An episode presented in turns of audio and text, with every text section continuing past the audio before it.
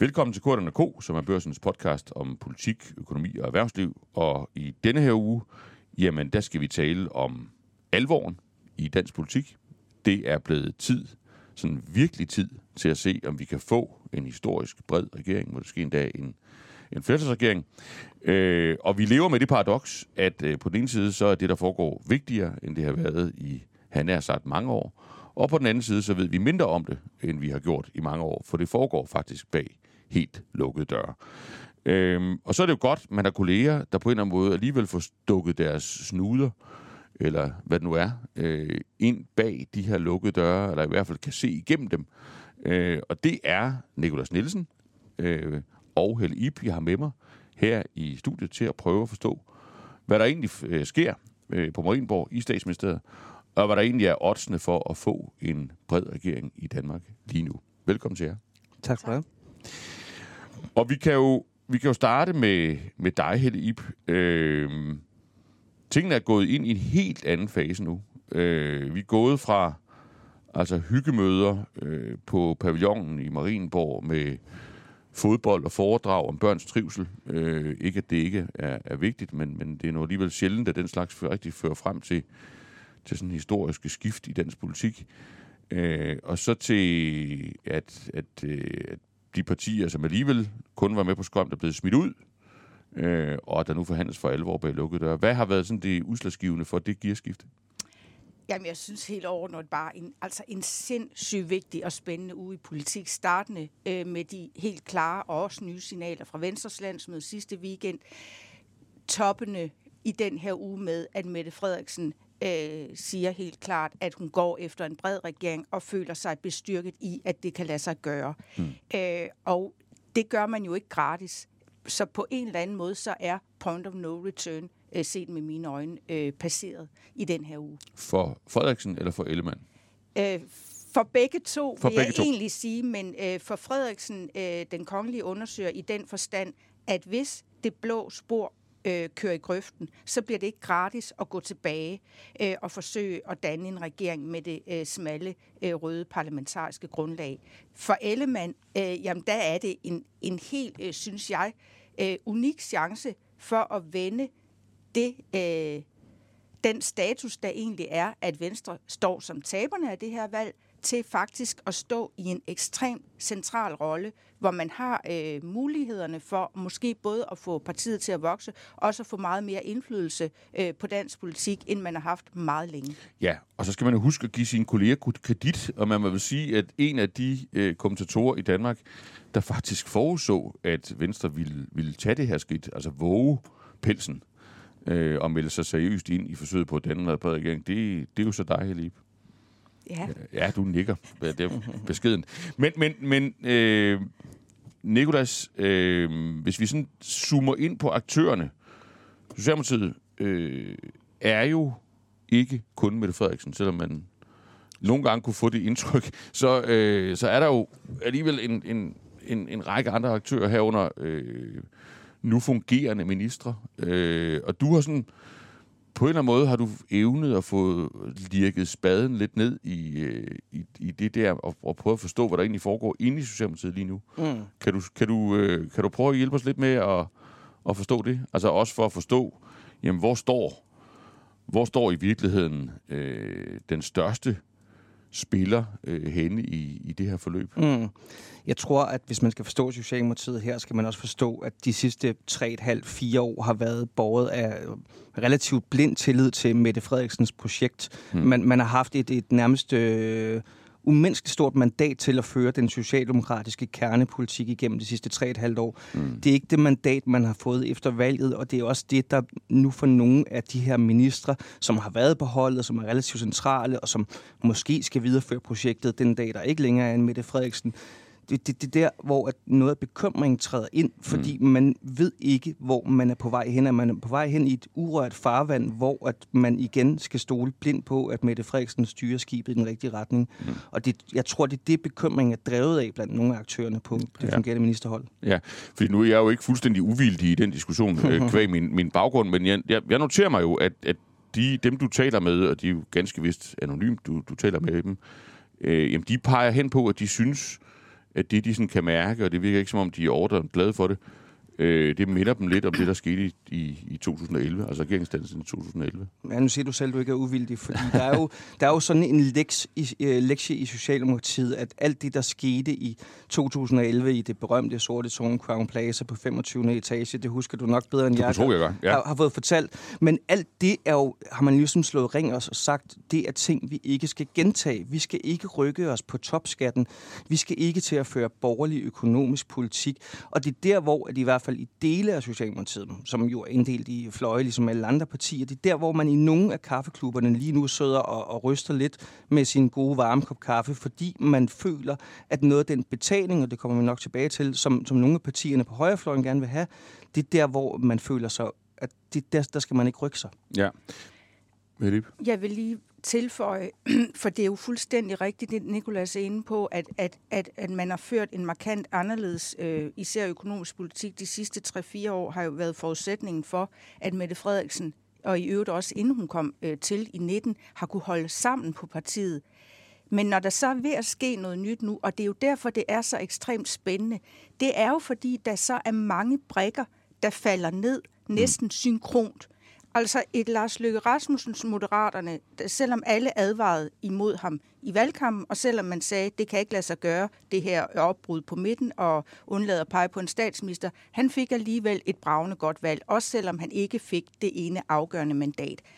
Erkendelsen i den socialdemokratiske top, både af valgets tale, men også de udfordringer, der venter forud, især øh, på den økonomiske politik, i kombination med, at det er et meget smalt, skrøbeligt øh, parlamentarisk flertal, man har, hvis man kun kigger til den traditionelle røde side, og i kombination med Jakob Ellemands erkendelse af, at den her blå familie har for mange gange vist dens dysfunktionalitet, og at Venstre skal stå i egen ret, bringe sig selv i spil for at få indflydelse på samfundsudviklingen alle de her brikker er stille og roligt ved at falde ned i et puslespil, der gør, at vi er rigtig mange, der er af den opfattelse, at der er en sandsynlighed, altså en seriøs sandsynlighed for, at det kan ende med en øh, regering hen over midten, mm. selvom intet er sikkert lige nu. Ja.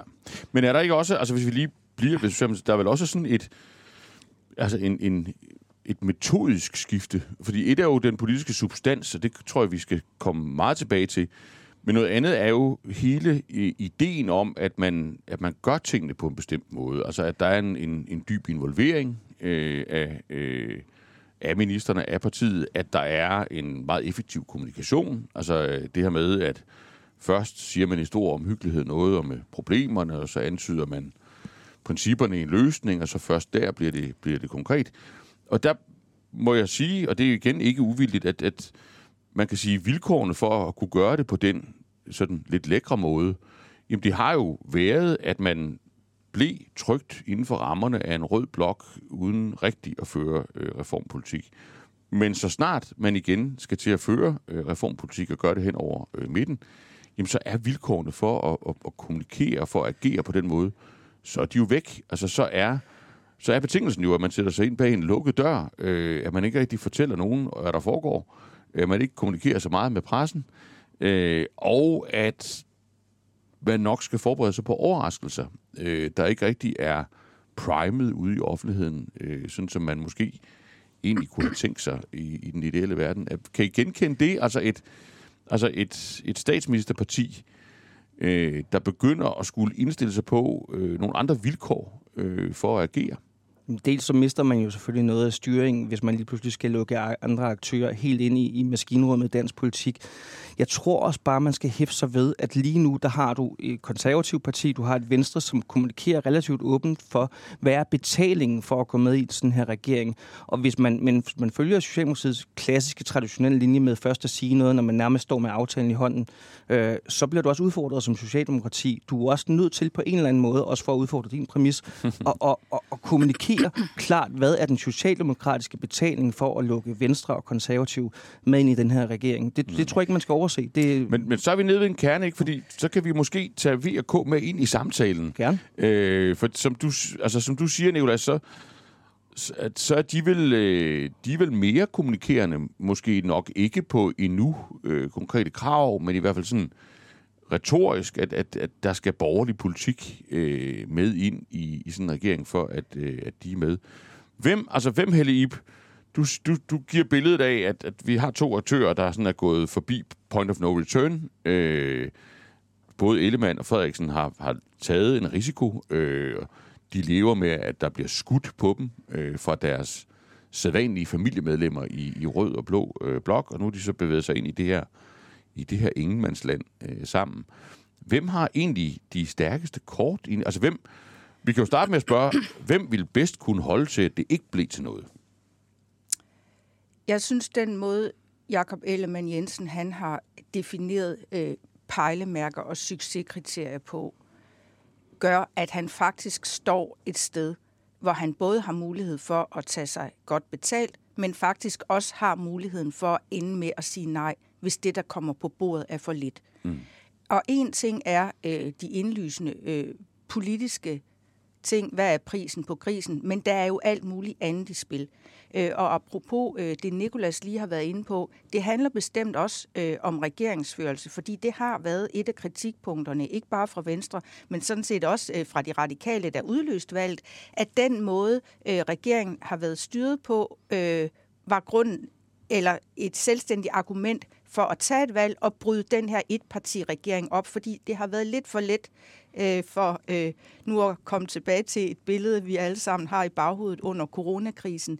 Øh, den smukke park øh, ved Marienborg, øh, Snevide og de syv små dværge. Altså Mette Frederiksen sender nogle signaler, andre kan komme til, øh, og så øh, muligvis få en indflydelse. Men der har været... Ja, tænker du på, på partilederen, der står ude ja. på græsplænen, mens hun holder pressemøde. Lige øh, præcis, ja. og hvor man har haft en fornemmelse af, jamen, jamen det hele er sådan set, øh, alle overvejelserne, alle indvendinger, jamen det er foregået meget i et lukket rum, i øh, statsministeriet og enkelte nøglepersoner i centraladministrationen, og så har man ellers selv kunne køre ud over stepperne. Mm. Øh, og det var jo også øh, et issue omkring øh, øh, hele Mink-skandalen, og det bliver bare uanset hvor mange der så ender med at komme i regering og, og hvilket parlamentarisk grundlag, så tror jeg bare, det bliver et, et selvstændigt kapitel, at man kommer til at se en ny måde, øh, tingene kommer til at foregå på, og det er jo helt indlysende. Øh, nu har jeg jo fulgt politik i mange år, det har været et løbende øh, nærmest stofområde og ringe til sure øh, socialdemokrater, der var irriteret over, at de ikke blev inddraget nok.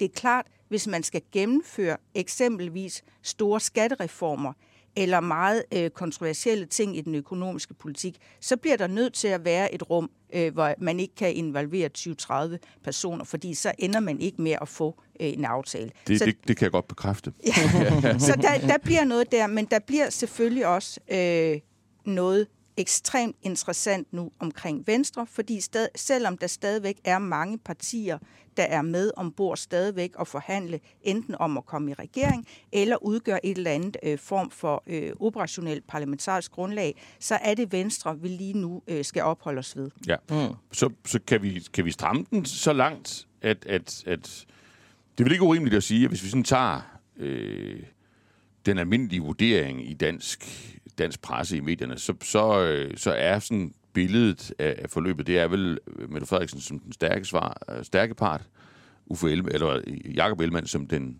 den måske nok relativt svagere, alene i kraft af valgresultatet. Altså hun er jo hun er mere end dobbelt så stor som, øh, som Venstre. At det, I sidder og pirker til, det er, at, at, at det måske er et skævt billede. Altså, at, at sådan, i målt i sådan, hvad kan man sige, forhandlingssituationsstyrke, det ord findes nok ikke, der, der er det snarere omvendt. Mm, ja, altså, jeg tror, det er præmaturt at konkludere så, mm. så skarpt lige nu, men man skal i hvert fald også notere sig, at Ellemann er jo gået ind i de her realitetsforhandlinger med, med flere forslag, som skal trygteste, hvor villig Mette Frederiksen er til at rykke sig. Blandt andet mm. på generationsbeskatningen, på topskatten. Det er jo to ting, som han har nævnt som, som ting, han tager med ind til bordet og, og drøfter her. Øhm, og, og på den måde er det jo ligesom ham, der har saveretten, fordi han kan udfordre den konsensus, der har været i Socialdemokratiet om, hvilken politik skal vi føre, at udstille, hvis ikke man er villig til at rykke sig hurtigt nok i den retning, som man selv har indikeret inden valget, at man gerne vil rykke sig i. Altså, op, ja, Helip. Hvis vi skal gå lidt mere dybt med ja. øh, Venstres krav, øh, der vil jeg sige, at som jeg, jeg hørte, så har de egentlig ikke selv lagt sig helt fast, muligvis ikke fundet ud af endnu, Nej. præcis hvordan de vil tage sig betalt. Fordi når man ser på Venstres politik på rigtig mange områder, så tror jeg, at der vil være mange øh, vælgere eller lytter til det her program, der lige skal tænke sig en ekstra gang om, hvad, hvor er det nu egentlig forskellen er.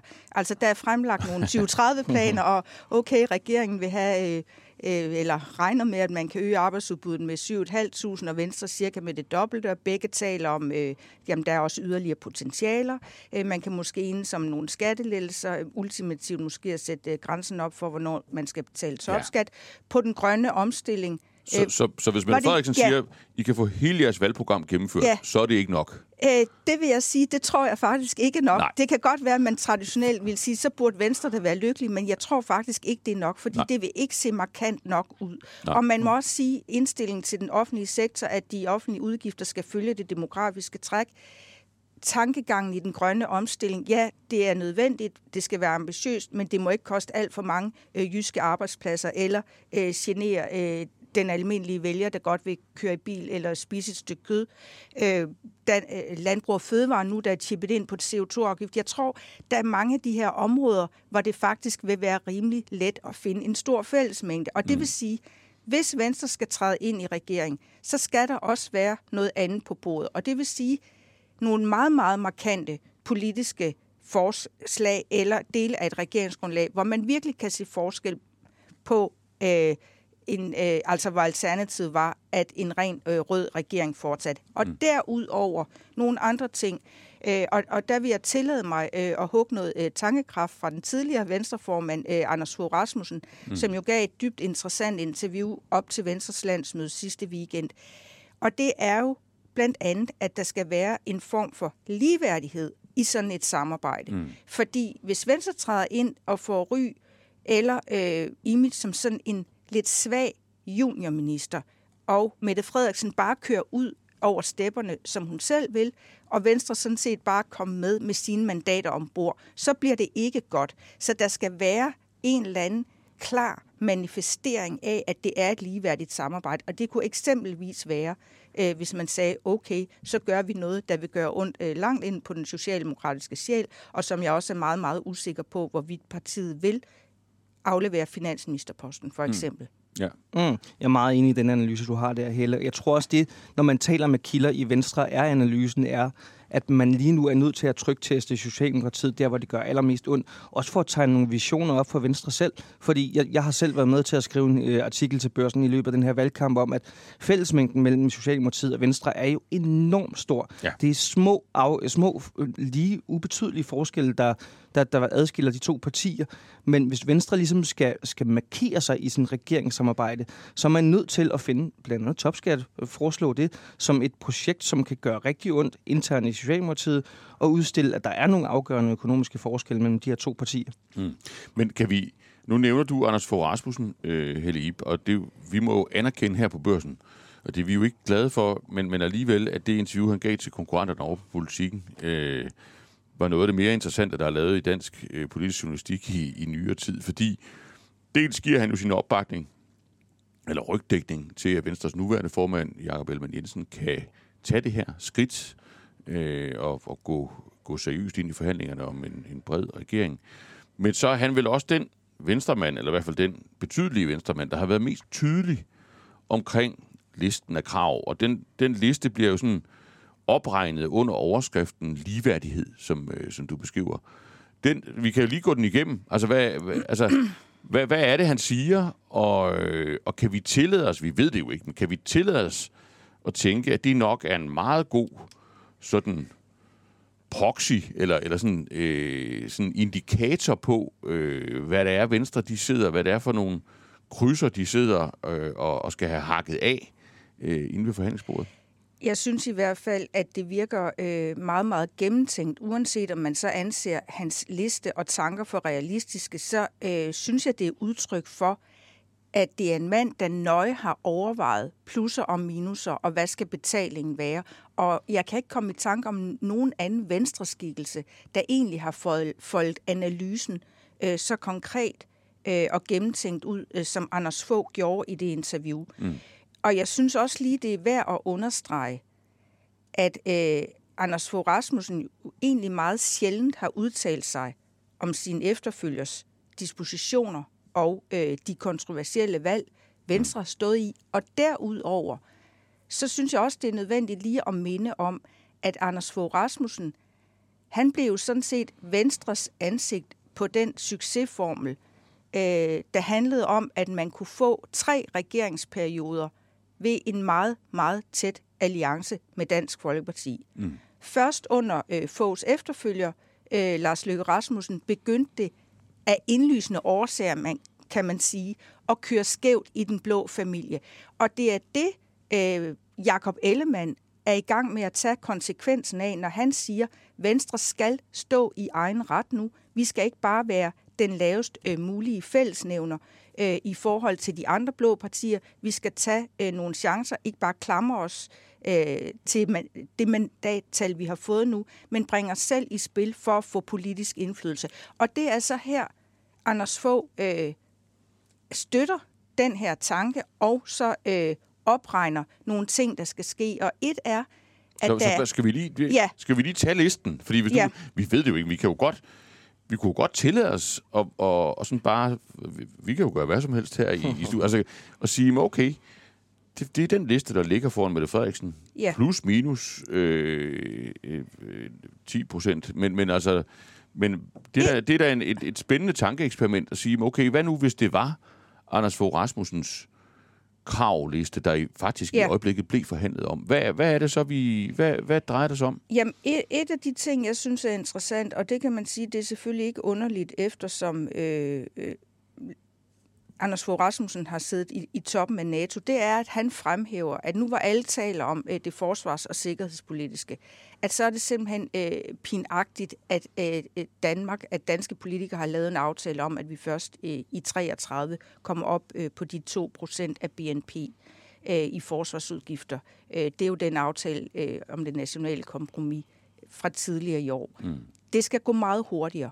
Øh, grunden til, at det er interessant, det er fordi, han også knytter det sammen med den generelle økonomiske politik. Altså det er helt tydeligt, når man læser det her interview med Anders Fogh, at han er meget optaget af, at der sådan set ikke er øh, penge nok til de ting, han mener, man bør kræve af en ny regering. Så højere, fors- højere forsvarsudgifter tidligere? Højere forsvarsudgifter tidligere. Og samlet set mere finansiering? Ja, og en af de ting, han så kommer ind på, og jeg ved ikke, om det kommer på bordet, fordi det er jo noget, der, der, der rumles om i ny og næ, det er jo, at meget af det, øh, den økonomiske politik, øh, finanspolitikken i Danmark jo står og falder med, det er, at man respekterer den her velfærdsaftale, han selv øh, øh, var med til at gennemføre, øh, i øvrigt øh, med socialdemokratisk opbakning, øh, i midten af nullerne. Og det er jo spørgsmålet om, når vi lever længere, så skal øh, pensionsalderen følge med op. Mm. Og der har jo været øh, rumlerier gennem det seneste år fra fagbevægelsen, fra udvalgte politikere, i øvrigt også øh, fra økonomer, der har diskuteret, om, øh, om der ikke er en pæn overholdbarhed, vi bare kan begynde mm. at spise lidt af i den økonomiske politik. Og der, øh, der, der sætter øh, Anders Fogh altså sådan en en hammer ned og siger, nej, det er nødvendigt. Så det er sådan, et, det er sådan et, et arnestop. Ja, det er det. Og, ja. og det synes jeg bare er en af de meget, meget vigtige markeringer ja. i det her interview, fordi vi kan altid diskutere, skal der ske et eller andet øh, på topskattegrænsen, noget med selskabsskatte, arvebeskatning osv. Men det er øh, virkelig nogle af de der grundsøjler, øh, Anders Fogh, han er inde og ja. markerer. Yderligere, Nikolas? Men jeg, jeg tror igen, Helle har ret i det her med, at hvad hedder det, Dream-modellen, så vidt jeg husker ikke i forhold til, hvornår man lader folk pensionere. Den idé om at ændre grundlæggende ved det døde også, da det røde flertal forsvandt, og man begyndte at forhandle hen over midten. Mm. Det tror jeg er noget af det, som, som man godt kan proppe ned i posen igen og, og, og glemme at diskutere mm. lige de næste kommende par år. Det er sådan set mm. den eneste point, jeg har i forhold til det. Ja. Finansministerposten nævner han. Øh, og man skal lade være med at fise rundt ude i verden, tror jeg, han får sagt, ja. øh, om... Øh, ja. om Jacob Ellemann. Og, og, og det synes jeg også er interessant, fordi altså der, der, ja, der er jo indimellem, når der er uh, diskussioner om konstellationer, så er det jo sådan hurtigt ude i det åbne rum, jamen handler det bare om, at der så er en partileder, der kan få en eller anden uh, glamourøs eller lækker post. Uh, og der var der også en gang, at det, det var sådan uh, kædet nogenlunde sammen med succes, at have udenrigsministerposten. Man kunne få en, en høj, øh, også værdipolitisk profil. Øh, I perioder øh, var det det øh, helt klart, der definerede øh, Jakob Ellemanns far, Uffe Ellemann, ja. øh, som man, politiker. Nu kan man ikke rigtig blive genvalgt til Folketinget, hvis man har Nej, Nej, og så var der så, øh, jeg tror også, Mogens Lykketoft oplevede en kortvarig periode, da han skældte ja. ud øh, på Israel, øh, oplevede lidt popularitet, men ellers har der bestemt ikke været øh, nogen som helst tradition for, at det går særlig godt øh, både at være øh, partiformand og udenrigsminister. Øh, Lene Espersen, den konservative formand, øh, løb ind i problemer. Anders Samuelsen fra Liberal Alliance som nogen af, af, af, af, af eksemplerne. Og derudover må man også bare sige, ja, øh, udenrigspolitik er jo ekstremt vigtigt og bliver muligvis vigtigere end nogensinde i lyset af de øh, udfordringer, Danmark, EU, øh, resten af verden står med, og i lyset af, af, af russernes indtog i Ukraine. Men den danske indrigspolitik, øh, økonomien fremadrettet, der i øvrigt også skal sikre, at vi har penge øh, til, til at levere på den internationale scene, øh, jamen der er det jo nødvendigt, at der er en partiformand, der er til stede og mm. har hænderne helt nede. I suppedasen. I suppedasen, mm. og den er jo ofte i Finansministeriet, den suppedas. Ja. Godt. Lad os prøve lige at komme omkring, øh, fordi der er jo ikke, det var der jo tidligere i, i Danmark, flertal med S og V alene, men sådan vil vælgerne det, det er ikke den her gang, så der skal jo, der skal jo mere til. Og, og vi kan lige prøve, altså, de konservative, som, altså det er jo det her med VK, øh, og det her med, at man står sammen øh, i et øh, i et had-kærlighedsforhold uden kærlighed, som Snauken øh, sagde det i, i sin tid. Hvor har vi dem henne? Øh, er, er de ved at gøre sig klar til at, at stille sig i spidsen for en, en opposition, som Venstre så ikke længere er en del af, eller prøver de at smutte med? Jamen, øh, indtil videre sidder de jo lidt overraskende måske for mig stadig ved forhandlingsbordet øh, til realitetsforhandlinger. Jeg tror, Søren Pape Poulsen sagde i går, at øh, vi skyldte Danmark, at, at de også sad med rundt om bordet her. Mm. Jeg abonnerer så også bare på, at jeg tror, man skal se det her lyset af, at Pape har sine egne problemer internt i konservativ, efter at være gået så langt tilbage. Der har været lidt kritiske røster efter valget, ikke nogen store kanoner endnu. Mm. Det, er, det er stadig de små hvad hedder det, vandpistoler, der bliver skudt afsted efter ham. Men så længe han søder seriøst med rundt om bordet der, så tror jeg også, det er med til at dæmpe de potentielle oprør, der kan komme mod ham mm. som partiformand. Den konklusion den bliver først skrevet, når det står klart, om konservative med i en regering eller ej. Mm.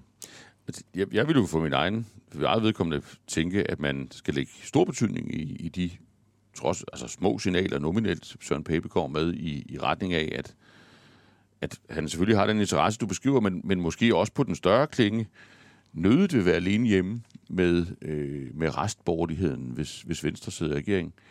Hører du samme altså, rækkevidde i det, der bliver sagt, Helene?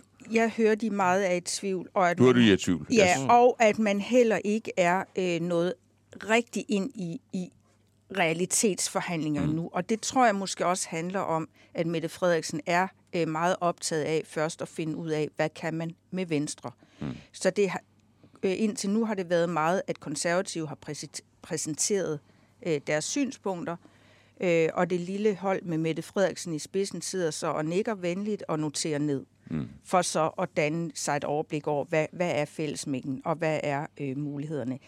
Jeg synes, det er klart, at for de konservative, der er der bare lister, der taler for og imod.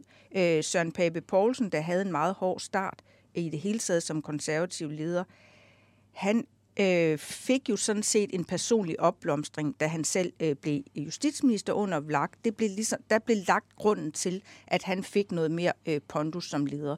Øh, så gik det så øh, dårligt nu, efter han øh, i valgkampen øh, selv skulle være statsministerkandidat og har fået et elendigt resultat. Selvfølgelig kan det være tillokkende at stå på den og sige, at det er altid konservative stemmer, der skal arbejde og søge indflydelse øh, og at han kan finde sig godt til rolle, øh, tilpas i rollen igen som minister.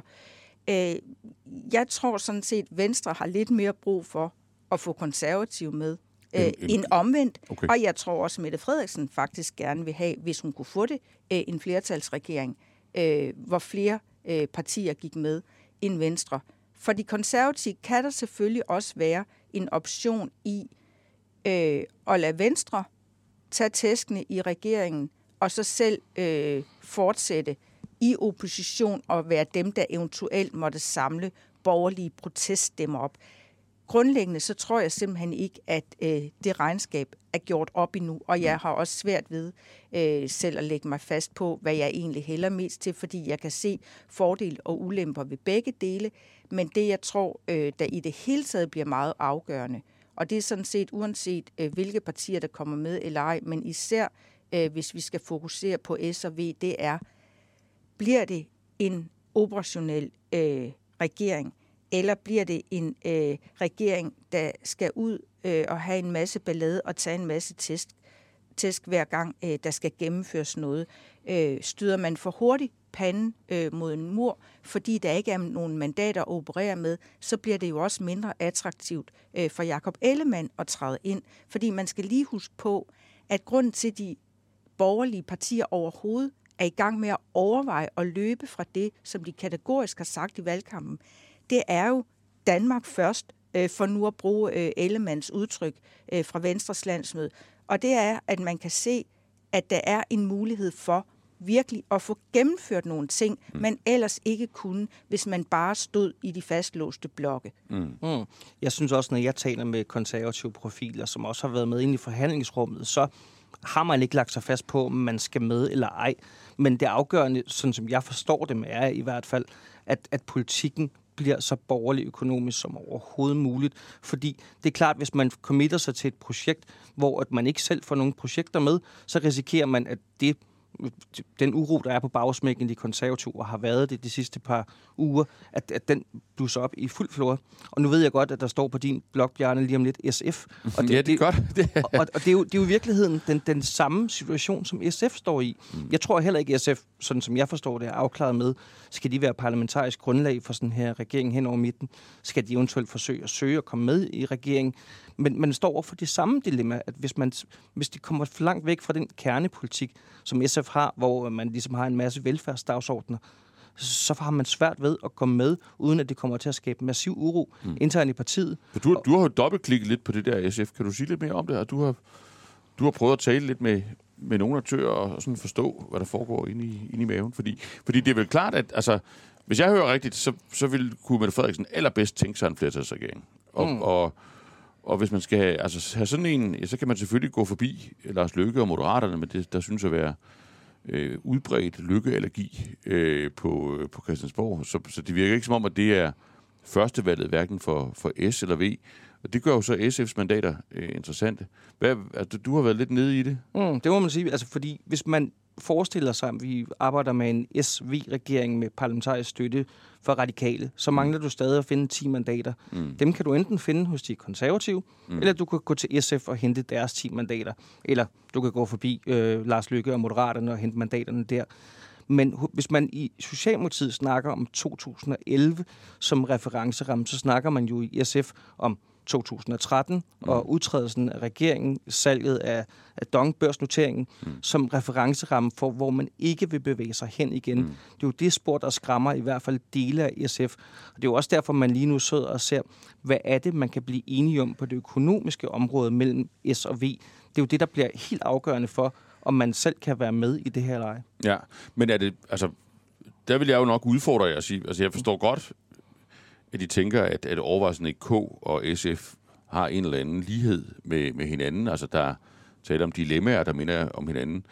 Jeg tænker bare umiddelbart, at partierne er helt forskellige. Altså, at de konservatives historie og tradition for faktisk at kunne gå med, øh, leve under vilkår, hvor man, hvor man ikke får alting, som man måske gerne ville, ville have det, er, er en helt anden karakter end SF's, hvor øh, altså, selve regeringsdueligheden er vel et åbent spørgsmål, Helibe. Altså, kan man, kan man bære de byrder, der skal bæres, hvis man skal sidde i, øh, en regering, der ikke bare er rød med rød på?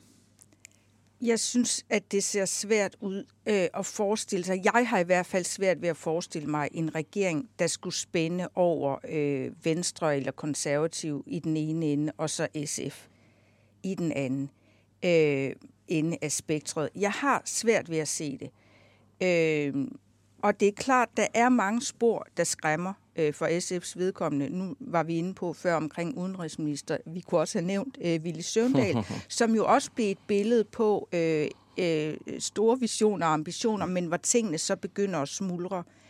Øh, jeg synes, det er svært øh, at se SF i en regering sammen med de borgerlige, og det er ikke fordi SF egentlig ikke har vist sig som et pragmatisk øh, parti, og også godt er klar over, at øh, det indebærer også, at man må øh, indgå øh, nogle kompromiser. Øh, Pia Olsen Dyr har jo været i øvrigt også en meget pragmatisk øh, politiker, har nærmest fået tæsk for det, eller blevet håndligt for det øh, gennem de senere år, men sikrede jo alligevel SF et godt valg. Hun har også været øh, en af dem, øh, der var med i det nationale kompromis om at øge øh, forsvarsudgifterne frem mod øh, 3033, hvor øh, enhedslisten... Ah, 3033. Nej, undskyld, 2033, ja. hvor, øh, hvor, hvor enhedslisten og andre så siger, at de der øh, tocifrede milliardbeløb, de mange rare penge, kunne vi have brugt til velfærd i stedet for. Hmm. Øhm, alligevel synes jeg, at hun har vist, at SF vil godt være ind og tage ansvar og præge tingene. Når jeg alligevel har svært ved at se øh, for mig en øh, regering, øh, en bred regering, som både rummer SF og, og nogle borgerlige partier, så er det jo fordi mange af de ting, vi formentlig står over for i den kommende periode, jamen der tror jeg simpelthen, det kommer til at gøre ondt på nogle flere grupper, når der skal træffes nogle hårde beslutninger. Mm. Fordi de senere år har været meget præget af en coronakrigskasse, hvor det nærmest var lidt øh, gratis at øh, dele penge ud, at der var et råderum skabt gennem andre regeringers hårde økonomiske reformer, som man også kunne tage af, og i øvrigt, øh, nu var vi inde på det nationale kompromis om forsvaret, at man øh, laver det her lidt dogne trick og skubber loftet for, øh, hvordan øh, underskuddene må være i det offentlige. Så på den måde, og der tror jeg ikke, der er nogen øh, politikere eller minister, der vil give mig ret, så har det været lidt mere piece of cake øh, igennem de seneste øh, tre år. Der er lavet en masse politik, øh, og også med meget brede forlig, og også med SF's deltagelse, men det har ikke benzinen har været flere penge. Ja. Mm. Yes. Skal vi lige slutte? Øh, og det er jo, så er vi nemlig kommet rundt ved, ved, ved det, der så det, der så ser ud til, altså hvis ellers ikke det her falder på gulvet, ser ud til at være, hvad kan man sige, den nye opposition i, i Danmark. Og det, man kan vel tale om, om to smalle oppositioner, øh, er vel det rigtige billede, hvis altså vi får den her brede regering. Altså en, en, en yderst til højre og en yderst til venstre. Hvor, øh, hvor vrede er de? Øh, altså, og hvor, hvor meget, altså, hvor meget aggressivitet øh, lytter I jer til øh, fra henholdsvis Danmarksdemokraterne, øh, DF, Nye Borgerlige på den ene side, øh, Enhedslisten Alternativet på den anden side? Jamen lige kort om Blå Blok, der er det jo blevet sagt, at øh, i hvert fald fremført i den offentlige debat, at hvis Jakob Ellemann ender med at tage det her spring og føre Venstre ind i et regeringssamarbejde, at så vil øh, yderfløjene blive blive rasende, altså øh, Danmarksdemokraterne, Nye Borgerlige og Dansk Folkeparti, så vil de aldrig røre øh, ved den øh, mand med en ildsang igen, så bliver han aldrig statsminister på blå mandater. Der må jeg bare sige, det er helt fundamentalt uenig i. Øh, hvis det lykkes øh, for Venstre og Ellemann at vokse, måske endda at hive nogle stemmer over midten, hvis man kan tale om, om den midte, øh, ved næste valg igen, øh, øh, og der er øh, øh et, et, et rent blot flertal, øh, og, og Jakob Ellemann øh, står godt på det tidspunkt, øh, så vil han selvfølgelig også have en mulighed igen for at blive øh, statsminister på blå mandater. Øh, så det betragter jeg mest som oplagte tomme trusler. Tomme tønder? Ja. Mm. Hvis vi skal gå til den anden yderfløj, ja, i det her tilfælde det. enhedslisten, så tror jeg, der står man også en skille, ved en skillevej mellem, om det skal være teatertorden mod regeringen, eller mod Mette Frederiksen, eller om det skal være reel indignation. Det er jo relativt nyt i enhedslisten, at man skal til at være vrede, ellers har man jo været relativt pragmatisk funderet de sidste par Ja, det er jo sådan en, en halv Pia Olsen Dyr, man har kørt de, de, de seneste år. En, en SF-pragmatisk light-version måske, ja, ja, nogen ja, på, påstå. Ja, yes. Uanset hvad, så står man jo over for den her skillevej, men der skal man også hæfte sig ved, at enhedslisten er ikke endeligt ude af de her forhandlinger. Det kan godt være, at man lige nu ikke sidder rundt om bordet og forhandler, men Mette Frederiksen har hele tiden muligheden for at gå tilbage og afsøge sine 90 røde, grønne mandater i den her ligning her. Så længe hun har det, der ikke er lukket en aftale, underskrevet et regeringsgrundlag, og der er en SV-regering, så tror jeg, at overvejelsen internt i enhedslisten i hvert fald er, at man ikke skal slå alt for hårdt på Mette Frederiksen. Men hvad enhedslisten angår, vil jeg også sige, at jeg forstår godt, at de bruger ord som hamskifte og er vrede over det, de ser tegne sig. Mm. Mm. Fordi øh, Socialdemokratiet under Mette Frederiksens ledelse, især frem øh, til valget i 19 og i de første regeringsår, har været et Socialdemokrati, enhedslisten, meget bedre kunne lide.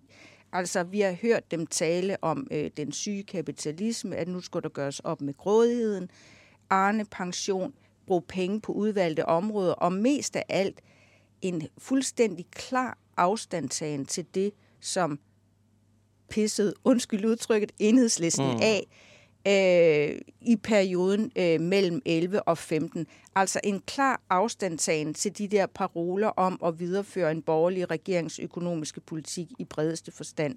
Og spørgsmålet er jo nu, har de sidste øh, 3, 4, øh, 5 år øh, for Socialdemokratiets vedkommende egentlig bare været en parentes, Enhedslisten har muligvis håbet på, at det her var det klassiske øh, mirakelrige, der ville fortsætte mange år endnu, eller at Socialdemokraterne egentlig på vej tilbage til det, der har været øh, både Socialdemokraterne, men jo også øh, Venstres, hvad skal man sige, pejlemærker i perioder, og det er hele tiden at sørge for at gennemføre ting, øh, også selvom det gør ondt, øh, der gør et land rigere og sætter et land øh, bedre i stand til at håndtere udfordringerne på længere sigt.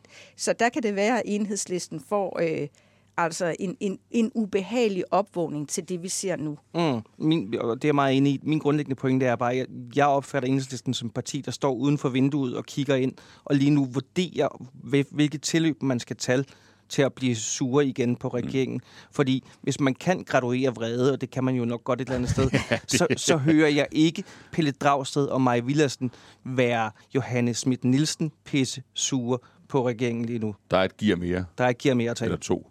Eller to, eller fem. Men hvilket giver det så ender med at blive sat i, det er, det, det er jo stadigvæk øh, usikkert for os alle sammen, men det er jo så også det, jeg vil sige, der gør øh, politik helt ekstremt spændende og fascinerende. Det er jo det, vi ser i de her uger, at der er nogle mønstre, øh, der er ved at blive rusket så voldsomt op i, og et af de store paradoxer ved det her valg er jo også blandt andet, at øh, den fokus, der er på midten, man taler om, de partier, der har været med til at generere hele den dagsorden og gøre, at vi overhovedet sidder og diskuterer det her som en realistisk option nu, jamen de partier er der sådan set ikke så mange, der vil lege med øh, radikale eller moderaterne. Øh, og, og de partier, øh, der har tabt valget, Venstre for eksempel, står til at have en central rolle. De partier, der har afskrevet sig samarbejde, ser vi pludselig øh, side om side. Så på den måde er jeg rigtig meget op i luften nu, og det er jo det, der gør det helt vanvittigt spændende. Det er nemlig rigtigt, og det følger I tæt med i, og det er dejligt, at I deler det med, med, med mig og med lytterne. Tusind tak for jeres bidrag. Selv tak. Nielsen, Helebe.